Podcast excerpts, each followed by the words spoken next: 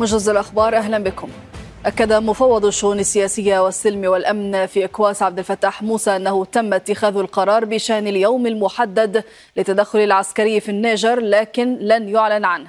أضاف موسى في ختام اجتماع قادة جيوش دول غرب إفريقيا في العاصمة الغانية أكرا أضاف أن مجموعة إكواس مستعدة للتدخل في النيجر متى تم إعطاء الأمر بذلك.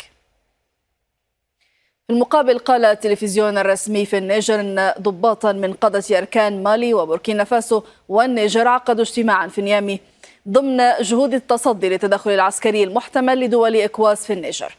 وبث التلفزيون صورا لطائرات حربية قال إنها طائرات من دولتي مالي وبوركينا فاسو تم نشرها في النيجر تنفيذا لتعهدات البلدين بوقوفهما إلى جانب النيجر ردا على أي تدخل عسكري محتمل من قبل مجموعة إكواس. أعلنت الدنمارك وهولندا حصولهما على موافقة أمريكية لإرسال طائرات مقاتلة من طراز F-16 إلى أوكرانيا بمجرد الانتهاء من تدريب الطيارين الأوكرانيين. وقال مسؤول أمريكي أن وزير الخارجية أنتوني بلينكين أرسل خطابين لنظيريها الدنماركي والهولندي يؤكد فيهما دعم واشنطن الكامل لنقل طائرات F-16 لأوكرانيا. وقال المتحدث باسم القوات الجوية الأوكرانية يوري هنات إن تزويد بلاده بمقاتلات F-16 من شأنه تغيير شكل الحرب مع روسيا.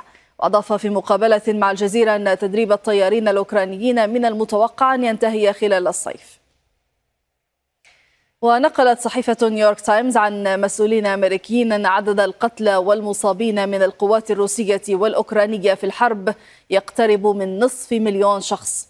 وبحسب المسؤولين الأمريكيين فإن عدد قتلى القوات الأوكرانية بلغ نحو سبعين ألفا بينما يتراوح عدد المصابين ما بين مئة ألف ومئة وعشرين ألفا. في المقابل تقدر الخسائر في صفوف الجيش تقدر الروسي طبعا بنحو 300 ألف بينهم 120 ألف قتيل. في ختام قمة غير مسبوقة جمعت الرئيس الأمريكي جو بايدن ورئيس الوزراء الياباني فوميو كيشيدا والرئيس الكوري الجنوبي يون سوك يول في منتجع كامب ديفيد.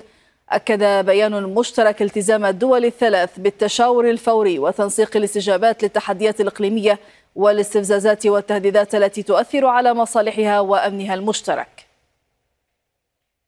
وقد دعت الصين إلى عدم تحويل منطقة آسيا والمحيط الهادئ إلى ساحة منافسة جيوسياسية. وقال المتحدث باسم الخارجية الصينية وانغ وين بين إن محاولة حشد الدوائر وخلق التكتلات العسكرية ستثير بالتأكيد يقظة ومعارضة دول المنطقة. ختام الموجز. إلى اللقاء.